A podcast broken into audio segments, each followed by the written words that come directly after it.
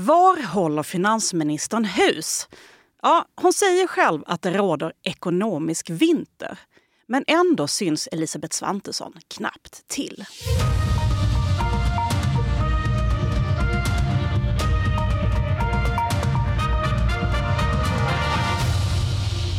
Välkommen till Politikrummet, Expressens nyhetspodd om svensk politik. Idag med mig, Karin Olsson, som programledare.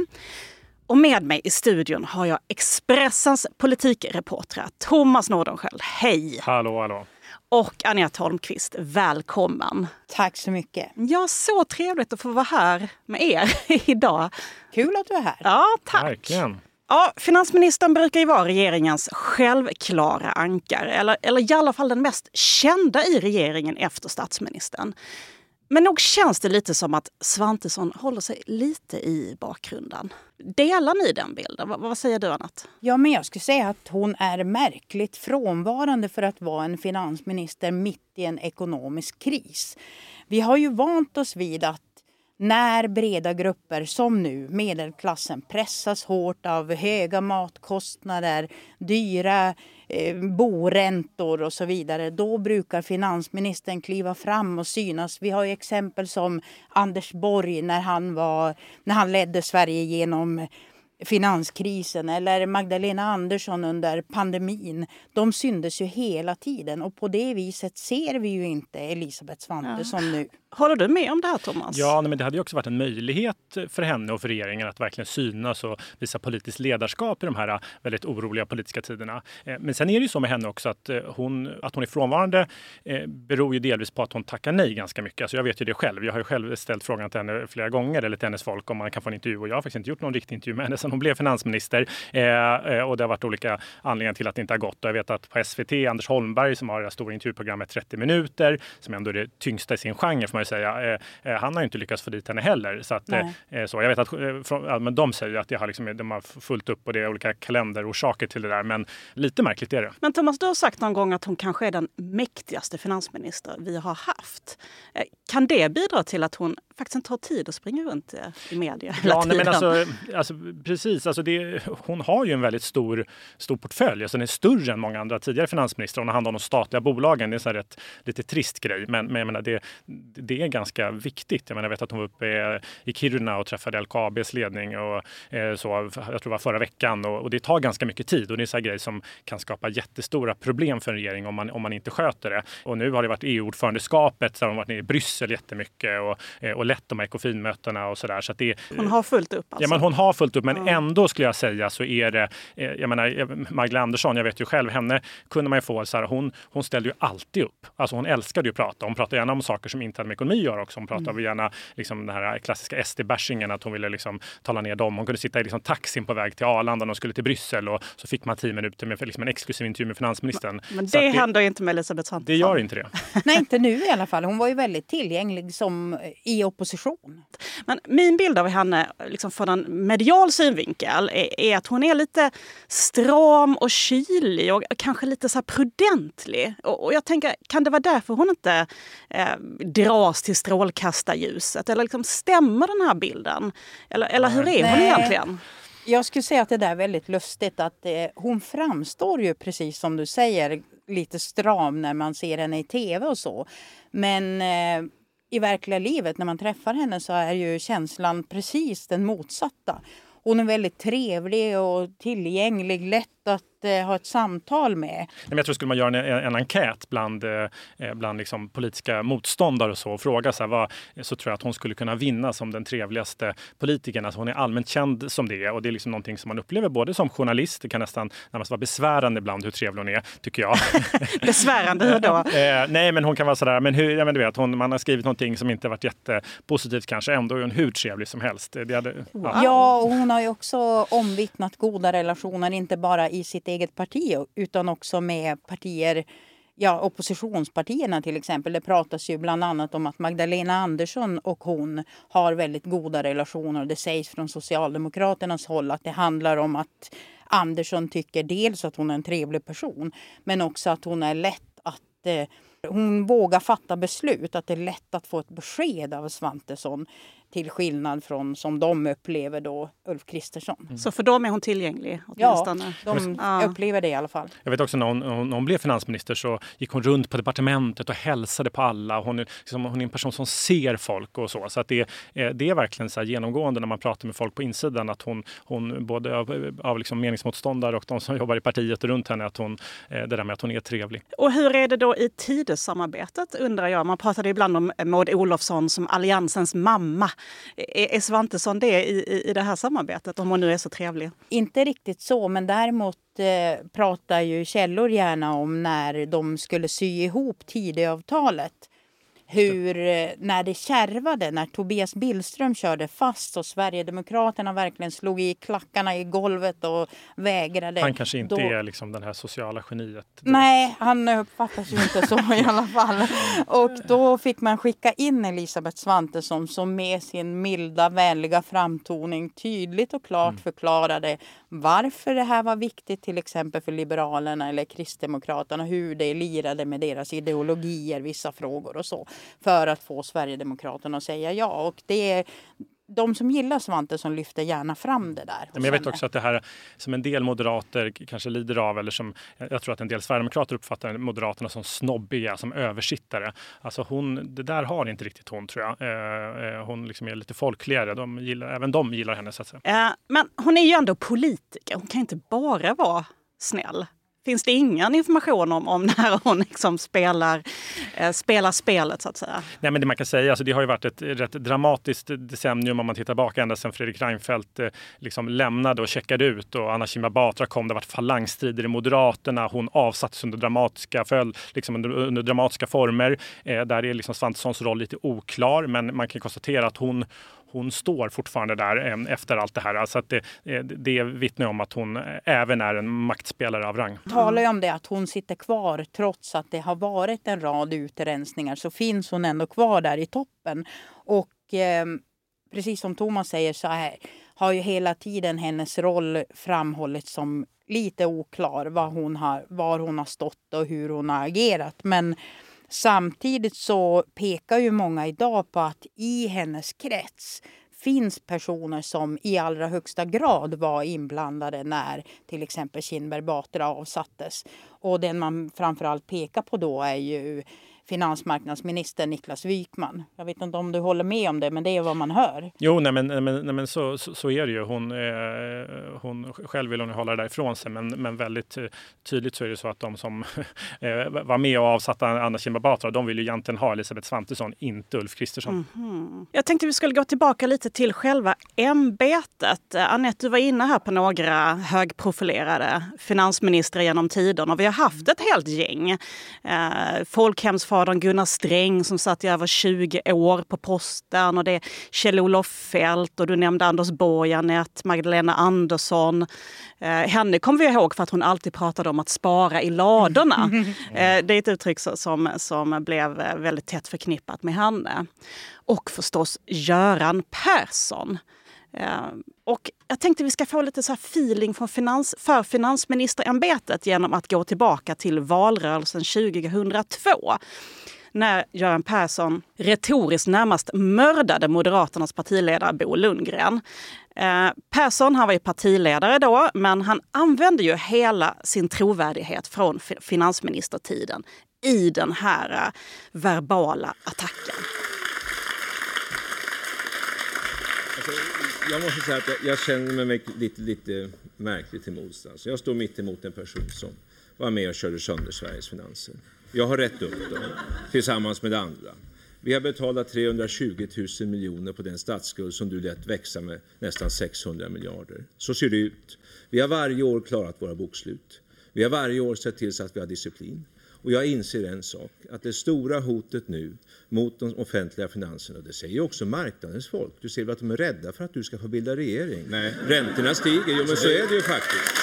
Och, eh, och Bosse, Bosse, jag skulle, om jag var som du, jag vet ju att du har köpt ett jättehus ute i Djursholm. Om jag var som du och hade lånat pengar till detta, så skulle jag vara väldigt orolig för en borgerlig regering. Därför att då kommer räntorna att stiga igen. Ja, det här är ett väldigt tydligt exempel på vilken tyngd som finansministererfarenheten kan ge en politiker. Mm. Kommer vi få höra något sånt här från Elisabeth Svantesson, fast då mot, mot vänstern?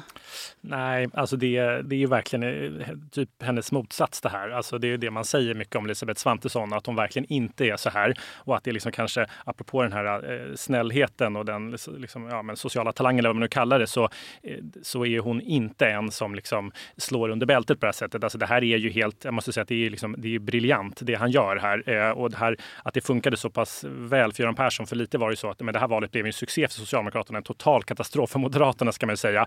Men det var väl, han liksom hade ju byggt upp hela den här politiska berättelsen och han hade liksom lagt upp för en smash och sen så smashade han. Ja, men man ska ju också komma ihåg att Persson var ju en klass för sig.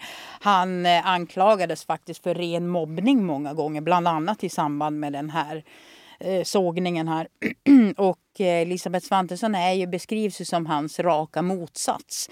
Eh, även de politiska motståndarna kan ibland vara frustrerade över att de upplever att hon är så snäll i debatter och framförallt att hon i replikskiften, till exempel i en interpellationsdebatt, tar hon inte alla sina repliker på motståndarna och det kan de bli irriterade på. Det blir nästan svårt att debattera med henne av den anledningen. Ja, de upplever det i alla fall. Men, men kan inte det vara bra? Då kan hon inte jobba utifrån den styrkan då? Att hon inte är en buffel utan att hon är en ganska trevlig trevlig person. Jo, nej, men alltså, så skulle det kunna vara. Alltså, eh, och liksom, eh, de runt henne säger ju att hon, liksom, hon in, verkligen inte vill bidra till liksom, polarisering. Och liksom, hon är ju en ovanlig typ av politiker och är liksom en ovanlig debattör. Så, eh, lite det här vända andra kinden till. Att hon liksom inte, hon, hon, hon smashar inte när, när det går så att säga. Men i Moderaterna har man ju, liksom, det här skapar en del frustration. De sitter liksom hemma och skruvar på sig när man ser henne aktuellt mot Mikael Damberg. Att hon inte liksom, mer slår under bältet som man ändå liksom... Eh, Göran Persson hade ju inte vunnit den här debatten på det sättet på knockout om man inte hade gjort det. Om man inte tagit upp det här med det här eh, husköpet i Djursholm. För det var ju liksom rätt elakt. Så gör man inte riktigt, men han gjorde det. Ibland har jag hört dig säga att ah, i Sverige gillar vi inte trevliga politiker. Ja, är det så? Alltså jag vet inte, jag bara börjar misstänka det för att man liksom, efter att liksom marinerat så här, alla, både, i, alltså det är liksom, både moderater och sossar, alla pratar om att liksom en av Kristerssons stora svagheter är att han är, liksom, han är för glad. Eh, och det är liksom för mycket av, liksom, det har varit mycket, för mycket mingel och fester och liksom, han är liksom, och jag menar, han är en rätt, liksom, han är en rätt social typ, vet man ju om man har sprungit på honom. Ja, men det har ju sagt så också när det kommer till eh, tidigare, till exempel Ingvar Carlsson. Han, att han inte har fått Eh, tillräckligt mycket cred för vad han faktiskt gjorde för att han uppfattades som jag är inte så konfrontativ och så som till exempel Göran Persson. Vi kanske uppmärksammar personer som smashar till på ett annat sätt mer. Mm. verkligen. Nej, men jag tror att liksom, nej, för då, hans, Ulf Kristerssons huvudmotståndare då, Magdalena Andersson, henne kan man ju inte säga samma sak om. Där är det verkligen liksom, särskilt glatt. Jag menar, hela högern har byggt, försökt bygga en kampanj mot henne kring Arja Andersson och sådär. Och hon har bara stigit i, i förtroendemätningarna. Mm. Det är liksom av mm. rakt, rakt motsatt. Och hon är ju onekligen ganska barsk eh, och tuff. Ja, ja, ja det, det är liksom varken fester eller särskilt glatt och sådär. Jag vet, jag sprang på henne vid, vid liksom, eh, kaffeautomaten där utanför kammaren vid något tillfälle och hon liksom fräste någonting om att eh, det här minsann är bara kaffe för ledamöter. Och Mikael Damberg stod där bredvid och började skratta jättenervöst och försökte släta över hela. Men, men liksom, jag måste bara nämna det också för att liksom, Fredrik Reinfeldt, alltså ärligt talat, han var ju liksom enormt populär. Alltså Magdalena Andersson har ju nästan varit uppe i de nivåerna, men han var ju verkligen så här otroligt omtyckt. Och han var ju verkligen, det var varken fester eller särskilt glatt. Liksom, om man stött på honom någon gång i en hiss och där. Jag vet att jag stod med honom någon gång och hamnade bara med honom och det kanske var någon Säpovakt också. Och så var det Roberta Alenius som han ju sen blev ihop med. Men det vet jag försökte småprata och han bara stod tyst och så tittade han på henne och så fick hon liksom ta över och prata. För han gjorde inte det. Han var liksom inte... Eh, och eh, jag menar Anders Borg också ett sånt exempel. Jag vet inte, jag tror det här ändå lite, det är liksom allt mer på att svenska folket gillar inte glada och trevliga politiker. Nej, nationaldrag. Tror... Ja, ja, det verkar som att folk tror att de är mer seriösa om de är lite allvarliga.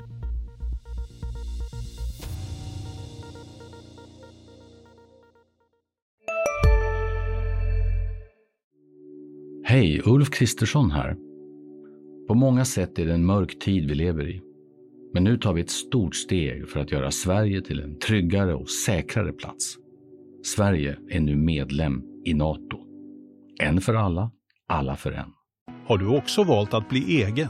Då är det viktigt att skaffa en bra företagsförsäkring. Hos oss är alla småföretag stora och inga frågor för små. Swedeas företagsförsäkring är anpassad för mindre företag och täcker även sånt som din hemförsäkring inte täcker. Gå in på swedea.se företag och jämför själv.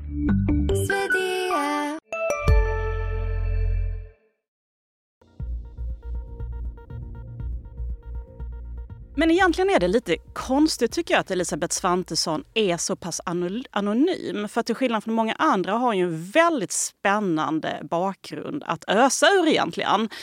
Kan inte du berätta lite Anette om hur hon har vuxit upp, hur hon formades till den hon är? Ja, men hon har ju verkligen en ovanlig bakgrund som inte minst moderat toppolitiker. Hon växte upp med ganska knapra förhållanden. Hennes pappa var pastor inom Missionskyrkan. Hon har själv berättat om att hennes mamma kämpade mot psykisk ohälsa. Hon var en av, ett av fem barn i den här familjen. Det fanns små ekonomiska resurser. Det var aldrig mer än en ostskiva på mackan till exempel. Det här har hon själv berättat för mig när jag har intervjuat henne. Eh, och hon, eh, hon har också en ovanlig bakgrund med att hon inte engagerade sig politiskt som så många andra i ungdomsförbund och så. Utan hon var redan mamma, flerbarnsmamma när hon blev aktiv politiker. Hon eh, var väl nästan i 30-årsåldern när hon kom in. Vi kan väl lyssna på ett, en, en, ett litet klipp här när hon berättar om hur hon eh, blev politiker. Jag tror att det började under gymnasietiden. Jag hade en fantastiskt bra samhällskunskapslärare som jag för övrigt bjöd på lunch här för något år sedan och tackade. Han väckte verkligen det intresse för liksom, politik. Eh, men sen när jag var 28 och jag knöt näven i, som i, i fickan och hade massor med åsikter och tänkte att nej, jag måste göra någonting själv. Jag var med eh, under några år och, och påverka politiken. Sen blev det ju väldigt många år och eh, det är ingenting som jag ångrar. Jag rekommenderar fler att engagera sig i ett politiskt parti. Ja, det här att hon bjöd sin gamla lärare på lunch för att tacka för samhällsengagemanget, det säger också någonting om hennes eh, karaktär. Verkligen. Eh, men det är inte bara det här med den knapra uppväxten och så, utan hon har ju också det här eh, bagaget från Livets Ord och organisationen Ja till livet. Och det här är någonting som faktiskt ständigt dyker upp, inte minst från hennes politiska motståndare. Mm. Så är det absolut. Det här jag kommer ihåg när hon eh, kom in i Reinfeldts regering 2013, sista året för Reinfeldts regering. Då blev hon arbetsmarknadsminister. Och det som uppmärksammades allra mest då, det var ju just den här bakgrunden hon hade i Livets Ord och som någon slags informationsansvarig i mm. Ja till livet. Jag tror de heter Människovärde eller något sånt idag. Det var kontroversiellt. Ja, det var otroligt kontroversiellt. Och det där har förföljt henne fast hon under åren många gånger har sagt att hon har tagit avstånd från, från sin eh, tid. Att hon hade väldigt svartvita åsikter som ungdom och att hon har gjort en livsresa kanske större än många andra sedan dess. Ja, det finns särskilt ett klipp från SVT när hon är med i en debatt någon gång på 90-talet eh, just om abortfrågan eh, som brukar ibland dyka upp, inte minst på X, när man vill påminna om, om den här bakgrunden. I Ja till livet så finns det väldigt många olika eh, åsikter tror jag, just om den, just det gäller våldtäkt incest. Men grunden är ju ändå att men alla som är med inser att det är lika mycket en människa för det. Sen, menar, vi möter kvinnor till exempel då, som har blivit våldtagna. Det måste vara någonting, något av det mest fruktansvärda som en kvinna kan vara med om. Det finns kvinnor då som har gjort abort, det finns kvinnor som har ändå valt att föda sina barn och som har upplevt det som en slags, eh, ja, ett helande mot för, med tanke på vad de har gått igenom. Ja, det här är ganska stark tobak, att, att våldtagna kvinnor kan uppleva det som ett helande då, att, att föda barnet. Det kan man ju verkligen säga. Ja, det är liksom, abortmotståndet är verkligen så här, det är ju minerad mark i svensk politik får man säga. Det, är liksom, det finns ju åtskilliga politiker som har gått bort så där. Det är liksom få frågor som man verkligen ska... Kristdemokraterna har ju haft kämpigt med den frågan jättelänge. Lars Adaktusson, han återhämtas ju aldrig efter de här avslöjandena kring hur han har röstat i EU-parlamentet i abortfrågan och så där. Det, det, det är verkligen eh, så. Men Anette, hon har ju verkligen försökt distansera sig för detta, från detta gång på gång. Ja, det stämmer. Hon har ju idag hon har nog fortfarande en kristen tro, så har jag uppfattat det. Men hon är väl medlem i Svenska kyrkan idag och ingen frekvent besökare som jag har förstått det. Och hon, eh, hon har ju många gånger sagt att hon har lärt sig av livet och tycker inte så som hon gjorde då. Men samtidigt att det här förföljer henne trots att hon har sagt att hon har ändrat åsikt i abortfrågan och, och sådär och att det har ändå gått 25 år. Att det här ändå återkommer är inte det också lite typiskt för svenskt eh, samhällsliv att det finns nästan en sån här religionsfobi? Att hon ska vara lite udda bara för att hon har en tro på Gud, att hon är kristen? Jo, men alltså, man såg ju vilket ramaskri det, var, det blev när Birgitta Ed liksom dök upp i prästkragen där. Det var liksom, folk pratade liksom där med att hon egentligen, det var ju jättespeciellt att hon eh, i mötet där med Erdogans fru, att hon klev in under det känsliga skedet i NATO-samtalen och fick liksom kliva fram in i sin nya roll där. Så, men det enda för, för liksom den svenska offentligheten reagerade över var ju prästkragen. Det blev liksom ramaskri. Ja, ja, men det var ju också så när den här regeringen tillträdde så lyftes det ju fram då dels att Ulf Kristerssons fru mycket riktigt då präst och så eh, Elisabeth Svantessons bakgrund och så pekade man på Ebba Busch som ju också har en bakgrund i Livets Ord. Hon gick ju i Livets Ords skola. Det gjordes ju en poäng av att det var ganska många som hade en kristen tro. Och det, mm. att det var någonting ovanligt i svensk politik. Det här att hon kom in sent i Moderaterna och i det, i det här proffspolitikerlivet. Eh, hur påverkar det henne idag? Vad är, vad är hennes ställning i, i partiet? Är hon, eh, menar, är hon bundis med Ulf Kristersson? Han är en typisk ungdomspolitiker som har gått den långa vägen. Ja, alltså det här med att hon kom in sent, det kan man säga att hon, liksom, hon är ju inte någon... Eh, jag skrev nyligen om en artikel om Ulf Kristersson och Birgitta Ed och liksom hur de har varit ett nav inom borgerligheten. Hon är liksom, eh, och, och, där kan man ju se att många i den generationen liksom, av politiker och opinionsspelare samlades hos dem. Hon eh, kom ju helt vid sidan av, hon har inte varit en del av det. Nej, men, och, och liksom, relationen mellan Ulf Kristersson och Elisabeth Svantesson, det, är liksom en, det är en, en, har varit en snackis ända från dag ett skulle jag säga. Verkligen. Och, och där det liksom mm, pratas mycket om att den inte är så god.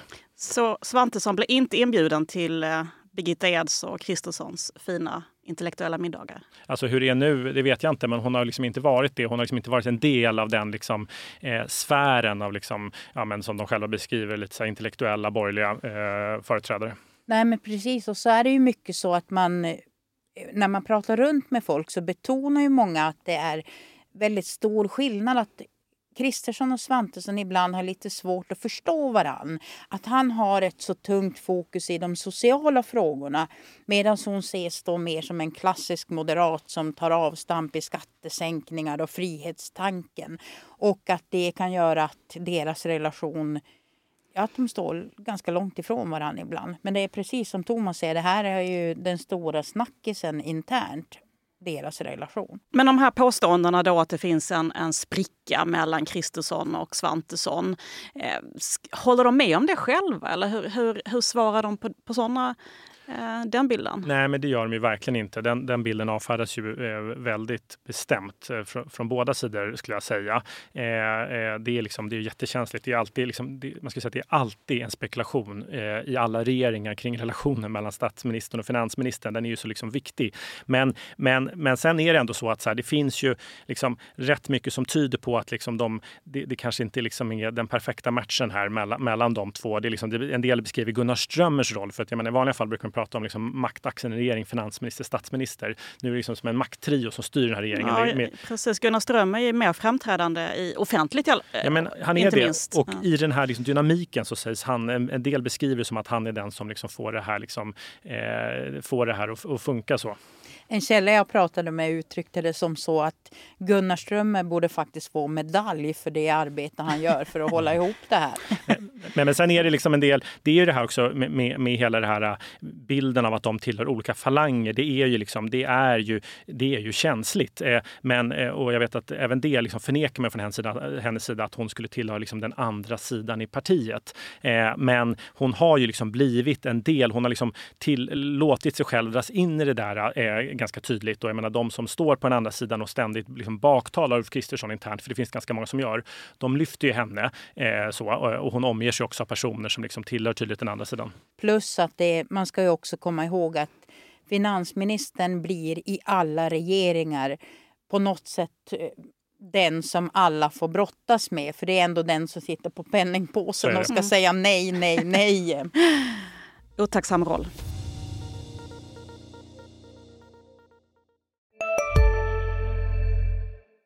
Hej, Synoptik här. Hos oss får du hjälp med att ta hand om din ögonhälsa. Med vår synundersökning kan vi upptäcka både synförändringar och tecken på vanliga ögonsjukdomar. Boka tid på synoptik.se.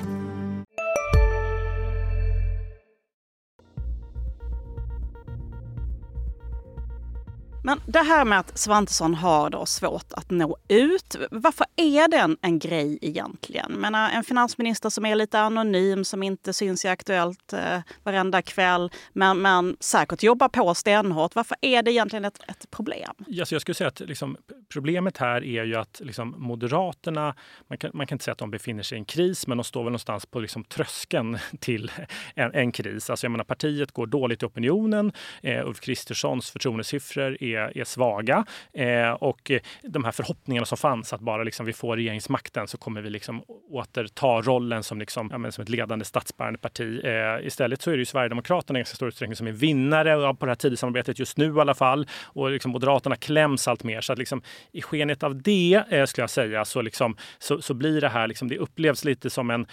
Nej, men det är liksom talande för Moderaternas problem för att liksom allt nu handlar ju om liksom det vi, liksom den här regeringens reformagenda. Det är liksom fullt det är migration och lag och ordning. Man gör ju massa saker. Det är liksom en rätt tydlig reformagenda men den anses liksom, den, den liksom hamnar på Sverigedemokraternas konto och det som hade kunnat vara Moderaternas del i det här eh, det är liksom ja, Elisabeth Svantessons portfölj. Eh, den är liksom helt i skymundan. Där, liksom den, där finns ingen tydlig framåtdrift, ingen tydlig reformagenda eh, och det, eh, så där blir det ett problem skulle jag säga.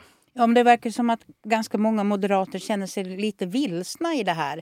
Där fokuset är lag och ordning, försvar, energi snarare än, än ekonomisk politik och skattesänkningar. Där Moderaterna generellt har ju under åren haft väldigt starkt förtroende när det kommer till den ekonomiska politiken. Och man menar att det här utnyttjas inte idag. Men det, det förklaras ju från regeringskansliet snarare då med att eh, fokuset för den här regeringen går inte att jämföra med till exempel alliansregeringen i, som Fredrik Reinfeldt ledde. Verkligen, mm. men, det är ju, så, så, är det ju. Jag menar, det är liksom, den här regeringen de, de gör ju massa saker. Jag, menar, jag vet att de själva pekar på det att liksom, anslagen till polis och rättsväsende ökar vad är det, med 21 miljarder. Man vräker pengar över försvaret så att, och det gör att det inte finns massa pengar till, eh, till de här liksom, eh, stora skattesänkningarna som man gjort tidigare och det blir mindre fokus på, eh, på, eh, eh på den ekonomiska politiken eh, rent generellt. Ja, det finns ju en längtan hos många moderater efter att man verkligen ska komma ut i de ekonomiska frågorna igen. Att det skulle vara den fråga där där Moderaterna verkligen skulle särskilja sig från Sverigedemokraterna. För bland moderata eh, företrädare och också väljare finns ju en bild av att Sverigedemokraterna har en mer socialdemokratisk ekonomisk ja, politik. Så är det verkligen. Eh, och att här skulle man skilja ut sig och inte minst då kunna attrahera väljare i storstäder som ju är ett stort problembarn för Moderaterna mm. idag. De har ju tappat jättemycket i storstäderna. Men, men kan det vara så att Elisabeth Svantesson har inte så många skattesänkningar att bjuda på. Det finns inte så mycket politik i den vägen och därför kan hon heller inte göra de här offensiva utspelen eller delta i debatten på de premisserna att hon därför då avstår eh, och drar sig lite tillbaka. Ja men, ja, men så är det ju. Alltså, när de förhandlade tidavtalet, det var ju ekonomin, det var inte ekonomin det handlade om. Eh, så. Eh, och nu är det också så att men nu är ju allt fokus på inflationen och, och så. Men, men det är ändå så att man i Moderaterna hade man verkligen hoppats och trott att det här, liksom, det här skulle vara Moderaternas del i det här politiska projektet. Här skulle man se de moderata inslagen. Men det gör man inte och nu liksom, som sagt Moderaterna de utmanas ju allt mer. Alltså, det är liksom en existentiell kamp de utkämpar nu där liksom SD flyttar fram sina positioner och allt mer tar på sig liksom en ledarroll till höger. Eh, och jag menar, det är ju... Eh, det finns ju, jag pratade med någon moderat här precis som var sådär eh, på allvar uttryckt en oro för att Moderaterna ska hamna liksom på 12-13 procent i nästa val. Det är liksom alltid en oro som finns att man ska implodera. Men man känner ju verkligen nu hur liksom SD äger debatten och, eh, och här liksom, ja, men lite liksom en missad chans att ekonomin, det skulle varit liksom Moderaternas del i det här och istället så är det liksom, finns det varken en tydlig reformagenda eller vision som då en del moderater eh, menar det har ju funnits en väldigt stor förståelse för att hon, när hon har visat sig så har hon tryckt på inflationen, inflationen, inflationen. Vi kan inte satsa för då, då spär vi på, förvärrar vi läget.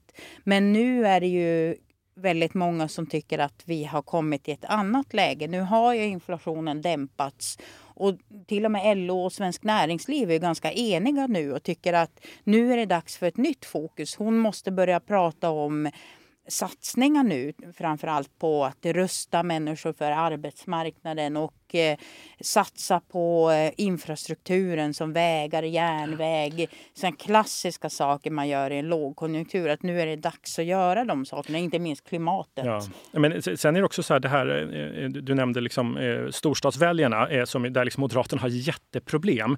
Alltså, det är ju liksom, ja, men den här senaste SCB-mätningen som kom, nu var det ett tag sedan, men som visar att liksom Socialdemokraterna är uppe på 44 procent i Stockholm. Man liksom pratar om de här liksom, Alex Schulman-sossarna som är liksom, välbärgade, tidigare liksom, sannolikt borgerliga, liksom, som röstade mm. på Fredrik Reinfeldt för 10-15 år sedan eller, eller när det nu var. Men liksom, de här är ju Moderaterna verkligen, de är liksom desperata att försöka locka tillbaka de här. Och här skulle man då ha en chans, för de här väljarna liksom, det är ju inga socialister. De inte, har inte gått till Socialdemokraterna och Magdalena Andersson för att de liksom älskar deras ekonomiska politik, vad nu den är. Sossarna, det är lite oklart. De driver inte så mycket ekonomisk politik kanske. Men, men, eh, utan det är ju liksom eh, värderingsfrågan och sådär. Men då menar ju en del moderater, och liksom på, kanske på goda grunder, eh, eh, jag tycker själv att det är en väldigt intressant fråga, vad som ska hända med de här väljarna nu när det liksom är ekonomisk vinter. Det här är liksom, de gick ju till sossarna.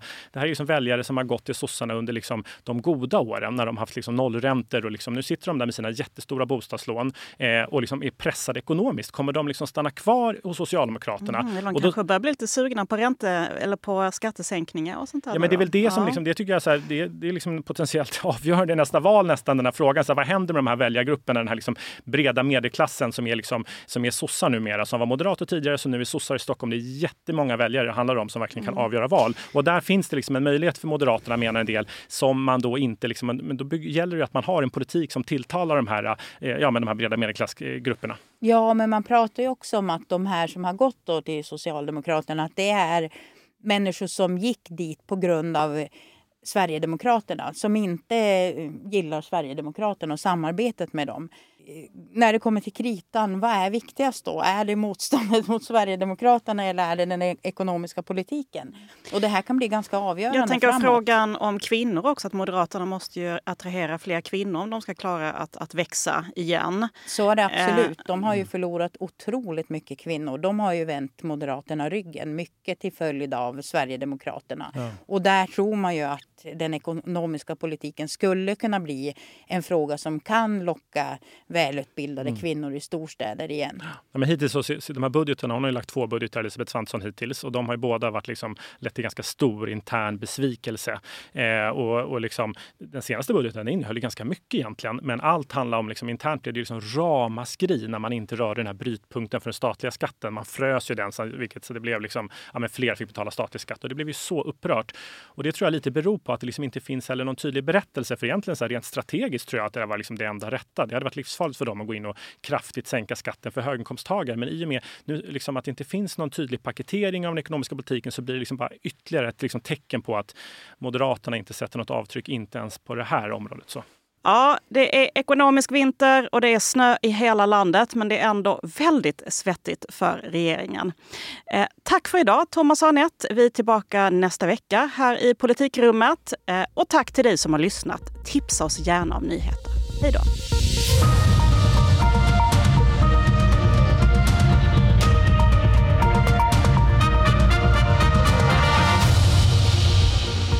Du har lyssnat på en podd från Expressen. Ansvarig utgivare är Klas Granström.